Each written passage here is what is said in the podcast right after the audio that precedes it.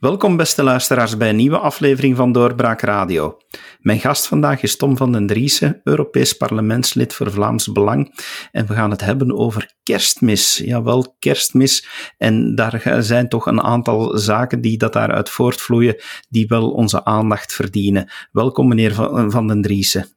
Dag David zoals ik zei, kerstmis. Dus laat ons even eerst teruggaan in de tijd om het heel goed te kunnen schetsen. Eind november is er een intern document gelekt van Europees commissaris Helena Dali. Uh, wat stond er eigenlijk in die documenten? Europees commissaris Dali heeft uh, een document gepresenteerd. Uh, wat dat een, richtlijn was voor Europese ambtenaren. En wat stond er in uh, dat document, wat zeiden die richtlijnen?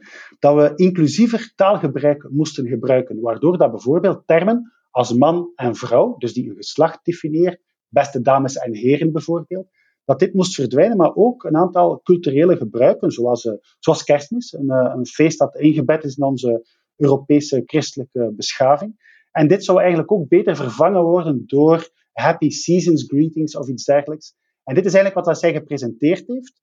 Um, uh, wij zelf van Vlaams Belang, maar ook onze collega's uit de ID-fractie en ook uit de ECR-fractie hebben daar uh, sterk tegen geprotesteerd. En door ons protest zijn eigenlijk die richtlijnen opnieuw ingetrokken geweest. Maar tijdelijk. Dus nu zeggen ze, het is een onafgewerkt document, het moet herwerkt worden. Dus wij houden dit alleszins in de gaten, wat, dat wat dat er uiteindelijk zal, zal, zal, van richtlijnen gelanceerd worden. Um, dus dat is een beetje de context waar, waar wel opvallend dat men dan op die manier eigenlijk zegt: kerstmis is niet inclusief genoeg, terwijl er toch wel eh, heel wat eh, ja, politici en, en, mensen werkzaam, zelfs op het Europees niveau, niet aarzelen om, een, ja, om, om bij suikerfeesten en dergelijke dan toch wel heel expliciet niet zo inclusief te zijn. Ja, ook uh, commissaris Dali zelf. Dus we hebben een tweet van haar gevonden van een, een jaar geleden, uit 2020 waarbij ze aan de moslims in de Europese Unie Eid Mubarak wenst.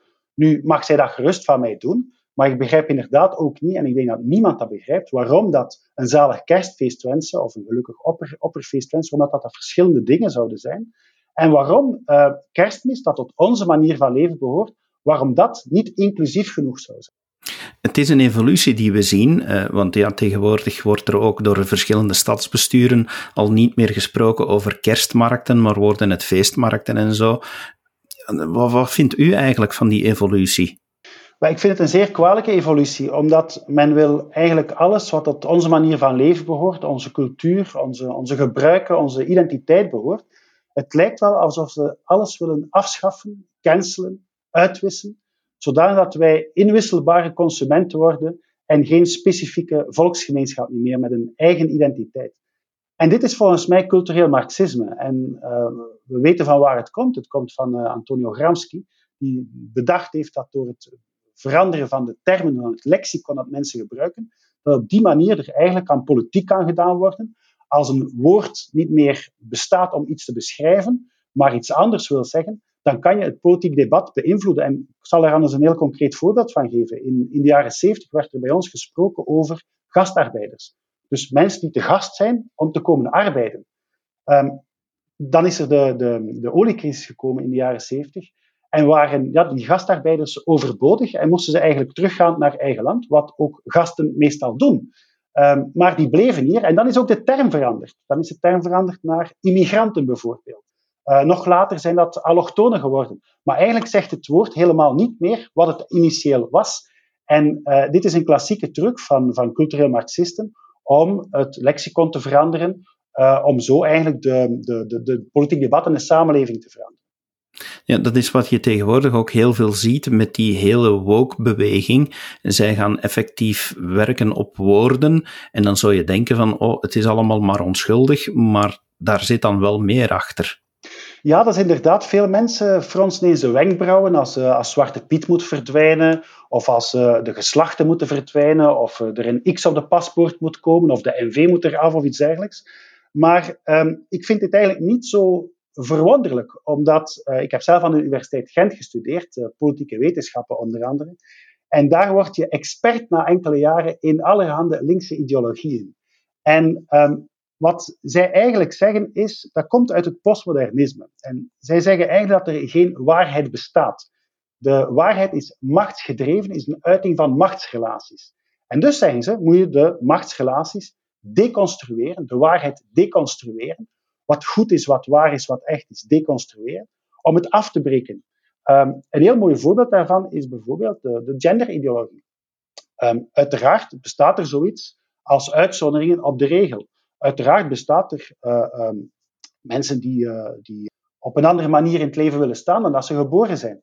Maar dit is eigenlijk een uitzondering op de regel. En ik denk dat um, vroeger moesten wij dit nooit verdedigen, de norm in onze samenleving. Vroeger moest kerstmis niet verdedigd worden, moest Zwarte Piet niet verdedigd worden. Waarom? Omdat het manifest niet een, een discriminerend feest is in het geval van kerstmis, of een, een discriminerende kindertraditie in het geval van Zwarte Piet.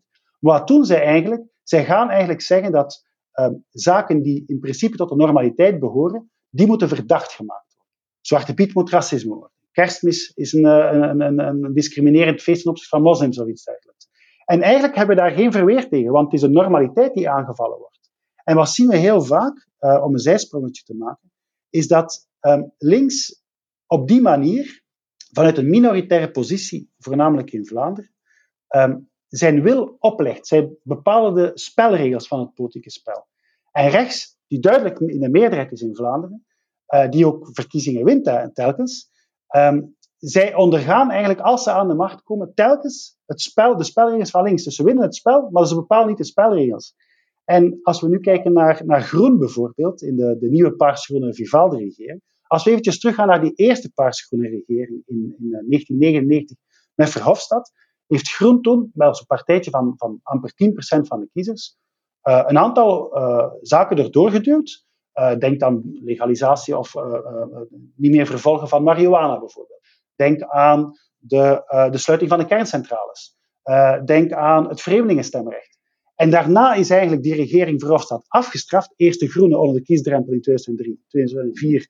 Dan Stevaart en Verhofstadt zelf die afgestraft werden. En wat zie je eigenlijk dat centrumrechterkant uh, het overneemt, zoals het in de democratie hoort, maar dat niets van die zogenaamde verwezenlijkingen wordt teruggedraaid. Het vreemdelingenstemrecht is nog altijd invoegen, de snelweg is nog altijd invoegen. Van het moment dat daar iets wordt aan aangescherpt, uh, staat, staat, iedereen op zijn achterste poten. Um, de, de, de, gevolgen van die kernuitstap, die, die, dogmatische keuze, beginnen we nu te voelen.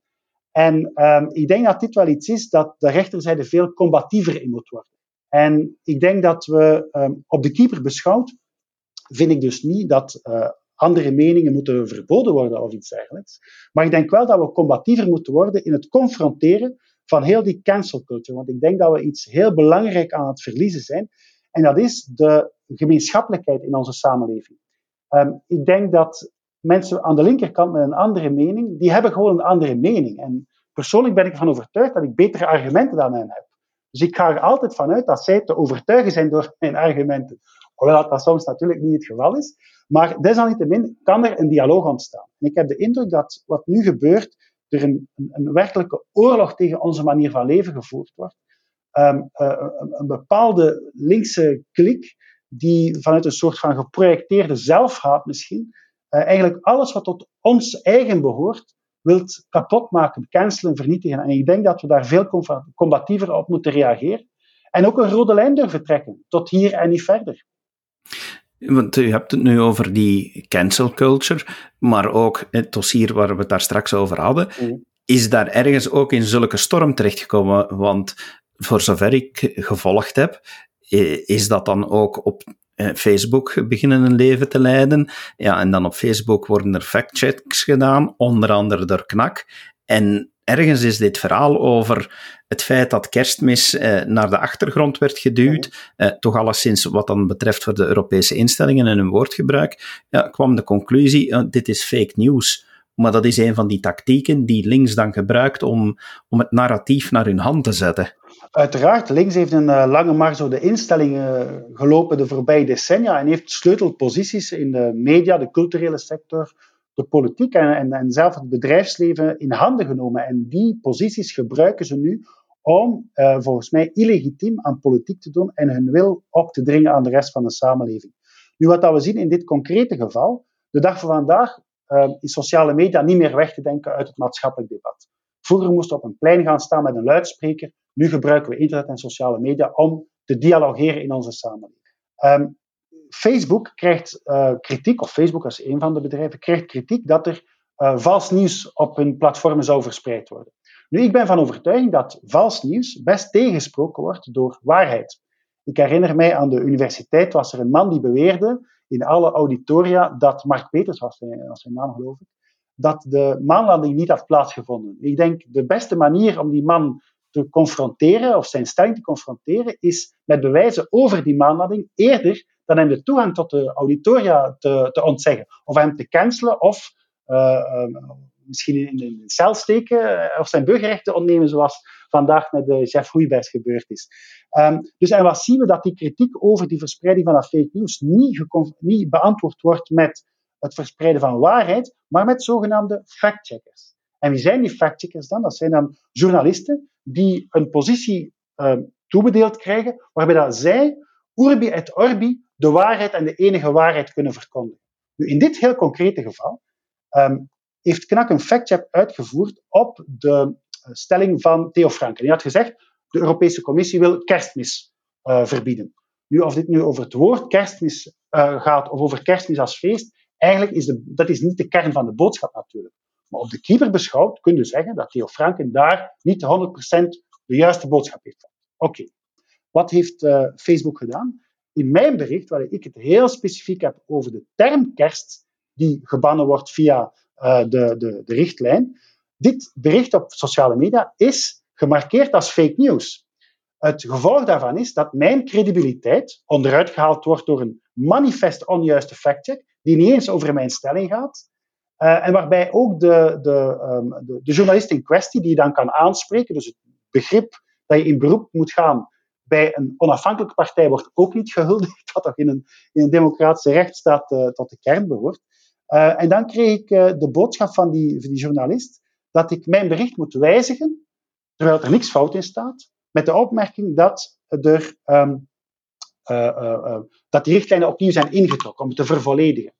Nu, ik heb het gedaan op Instagram en wat blijkt, dat is helemaal niet, die claim van fake news is helemaal niet weg. Dus het is dus een persoon die erover beslist en geen algoritme wat fake news is, wat geen fake news is, hoe de reputatie van politici of van burgers kan, kan bevuild worden.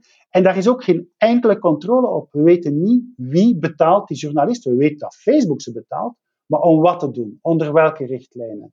Uh, zijn nog andere spelers actief? weet daar eigenlijk helemaal niks over, net zoals we niets weten over de algoritmes van Facebook. Uh, en dit is eigenlijk allemaal heel kwalijk en ik denk dat uh, onze democratische samenleving gebaat is met meer debat, met meer tegensprekelijke meningen, met meningen die ook kunnen botsen met elkaar.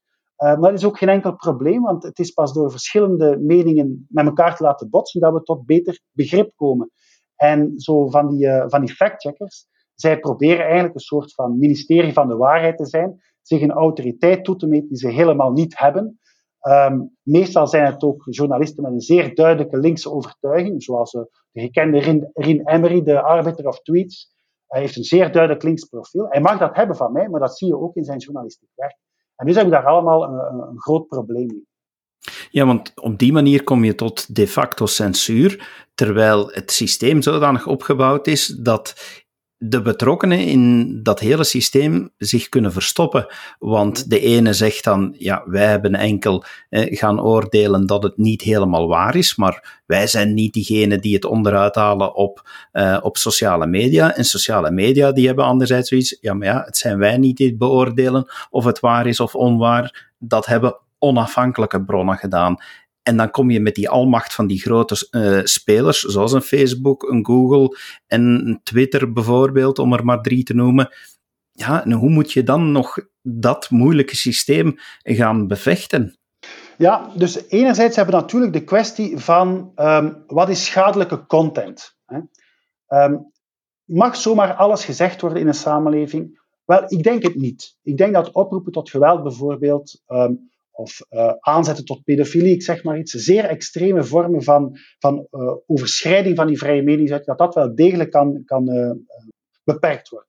Um, maar uiteindelijk, die, die grote bedrijven, wat doen zij? Zij hebben um, door een technologische innovatie, internet daarna sociale media, hebben zij een, een platform in handen gekregen. En dat is wat het is. Het is een platform.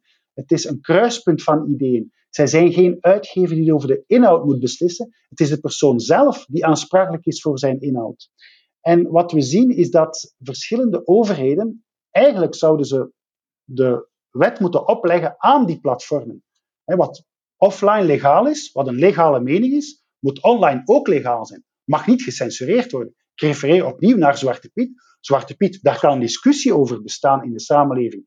Oh, een aantal woke mensen zullen het een uiting van racisme noemen. De overgrote meerderheid van onze samenleving vindt dit gewoon een, normaal kinderfeest, waar helemaal niets racistisch aan is. Maar dit behoort tot het maatschappelijk debat. Wat een bedrijf als Facebook probeert te doen, is eigenlijk onze culturele patronen aan te passen en bijvoorbeeld die zwarte piet te gaan verbieden.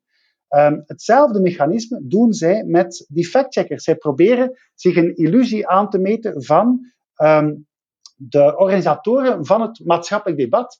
En dan denk ik dat we in een zeer gevaarlijke evolutie komen, want onze rechten en vrijheden in een democratische rechtsstaat worden gegarandeerd door de grondwet, door de wetten die onze parlementen stemmen, door um, verkozenen die we aanstellen en opnieuw kunnen afzetten.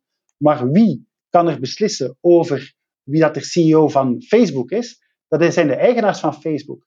Terwijl zij wel een platform in handen hebben waar dat er enorm belangrijk deel van onze maatschappelijke discussie op plaatsvindt. En daar is op dit moment geen enkele regulering over. Dus dan kan de, de ene partij zegt dan, we moeten de sociale media-giganten um, dwingen om hun verantwoordelijkheid op te nemen. Wordt dat dan eufemistisch gezegd?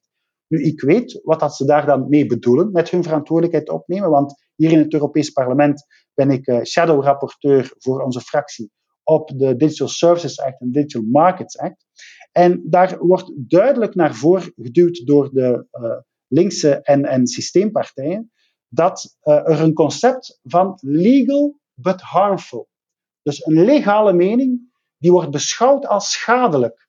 Maar wat is een, wat is een schadelijke mening? Om een schadelijke mening te hebben, moet je uh, een oorzaak-gevolgrelatie hebben. Dit moet dan nog altijd beoordeeld worden, volgens mij, door, door rechters en liefst door een volksjury om de onafhankelijkheid van de, van de rechtspraak te kunnen garanderen. En we merken dus dat daar een, een, een, een samenspel bezig is tussen overheden en die grote uh, mediaspelers, waarbij twee handen elkaar wassen. De overheid wil niet als uh, uh, censuurmachine optreden, maar zal eigenlijk kaders proberen te scheppen waarbij dat die grote mediabedrijven de censuur in hun plaats doen. En dit is super kwalijk van gevolg, um, want um, wat betekent politiek eigenlijk? Politiek betekent dat er uh, verschillende keuzes kunnen gemaakt worden. En die keuzes drukken verschillende belangen uit. Als wij niet meer met het, uh, het wapen, het democratische wapen van de mening, van de vrije meningsuiting, onze belangen kunnen verdedigen, ja, dan sta ik niet in voor de gevolgen wat er zal gebeuren. Want dan komen wij in een soort van totalitair, autoritair model terecht, waarbij dat alleen maar de belangen van een bepaalde groep mensen, die altijd aan de macht wil blijven, kan vertegenwoordigd worden en verdedigd worden. En dit is in contradictie met volgens mij alles waar onze democratische samenleving voor moet staan. En we hebben dus baat bij meer debat, meer vrije meningsuiting. En dat er een bepaalde regulering komt, daar ben ik voor. Hè? Dus bepaalde uitingen mogen inderdaad beperkt worden, maar altijd binnen de contouren van een democratische rechtsstaat. En niet op basis van de gebruikersovereenkomst van managers en CEO's of, of private aandeelhouders. Meneer Van den Dries, u noemde al de Digital Services Act. Uh, als ik juist ben ingelicht, dan zou die nog deze maand ter stemming moeten gebracht worden op de plenaire zitting. Mm naar mijn interpretatie is dat inderdaad toch wel eh, iets wat, eh, je haalde het eigenlijk ook al aan, maar wat toch echt als voorbeeld kan gelden als een, als een regelgeving die inderdaad sluipend de, de, recht op vrije meningsuiting onderuit haalt. Zijn jullie daar vanuit jullie fractie daar dan mee bezig om daar tegengewicht aan te geven? Ja, er zijn uh, een aantal zaken. Dus we gaan natuurlijk amendementen indienen in plenaire. We hebben er ook in commissie op gewerkt.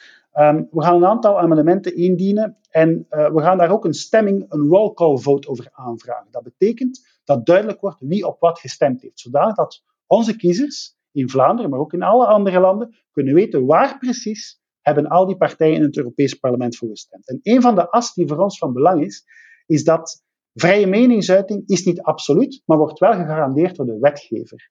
Met andere woorden, die bedrijven kunnen niet op basis van een gebruikersovereenkomst onze wetten schenden. Dat betekent met andere woorden, wat legaal is volgens de wet, of offline, ook online legaal moet zijn. Dus wij gaan een aantal amendementen indienen om dit principe naar voren te schuiven.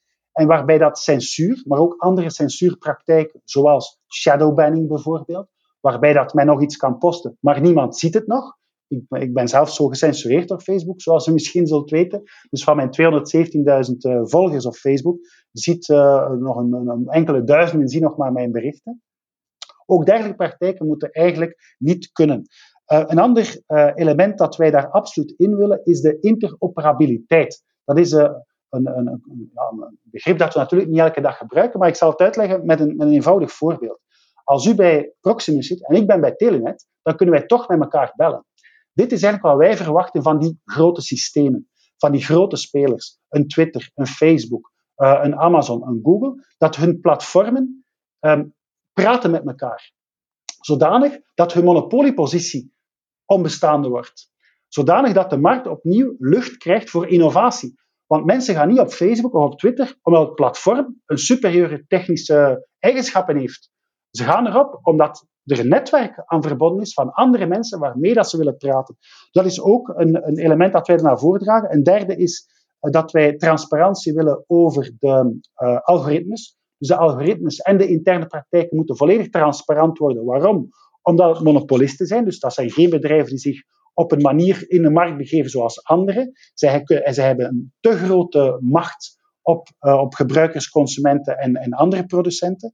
En wij willen ook een, een, een laatste element, dat de data van uh, gegevens, dus naar van datamisbruik, dat die data uh, minstens op Europees vlak, maar in bijzonder ook op nationaal vlak opgeslagen wordt en gecontroleerd wordt. Met andere woorden, dat data over onze burgers in Vlaanderen opgeslagen wordt op servers die fysiek hier aanwezig zijn en niet kunnen gedupliceerd worden. Met andere woorden, die bedrijven begeven zich niet in een parallel digitaal universum, maar er zit een fysieke structuur aan en een territoriale begrenzing. En ik denk dat dat een aantal elementen zijn waarmee dat we die markt opnieuw gezond kunnen maken. Want het is zeer ongezond als uh, enkelingen, um, de CEO van Twitter, uh, de CEO van Facebook, als zij een zittend president, om het eventjes over uh, Donald Trump te hebben, wat we denken dat de machtigste man ter wereld is, toen dat de president was tenminste, zomaar zijn toegang kunnen ontnemen van sociale media, wat in een moderne democratie van belang is om te communiceren.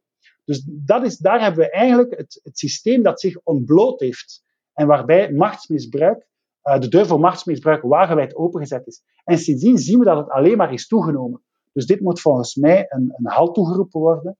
En ik denk dat fake news moet gecounterd worden door waarheid en democratie gevoed wordt door debat. Ik denk dat dat een heel mooie conclusie is. We zijn vertrokken onder de kerstboom, maar we hebben gezien dat in het pakje echt wel veel meer zit. Dank u wel, meneer Van den Driessen, om dat even allemaal toe te lichten. Dat is graag gedaan. En uw beste luisteraar, u merkt het, wij blijven ook de zaken opvolgen. Vrije meningsuiting is bij doorbraak altijd van belang geweest en daar blijven we ook voor strijden. Graag tot de volgende keer. Dag. Dit was een episode van Doorbraak Radio, de podcast van doorbraak.be. Volg onze podcast op doorbraak.be/slash radio of via Apple Podcasts, Overcast of Spotify. Bezoek ook onze website op doorbraak.be en steun ons door een vriend te worden van Doorbraak.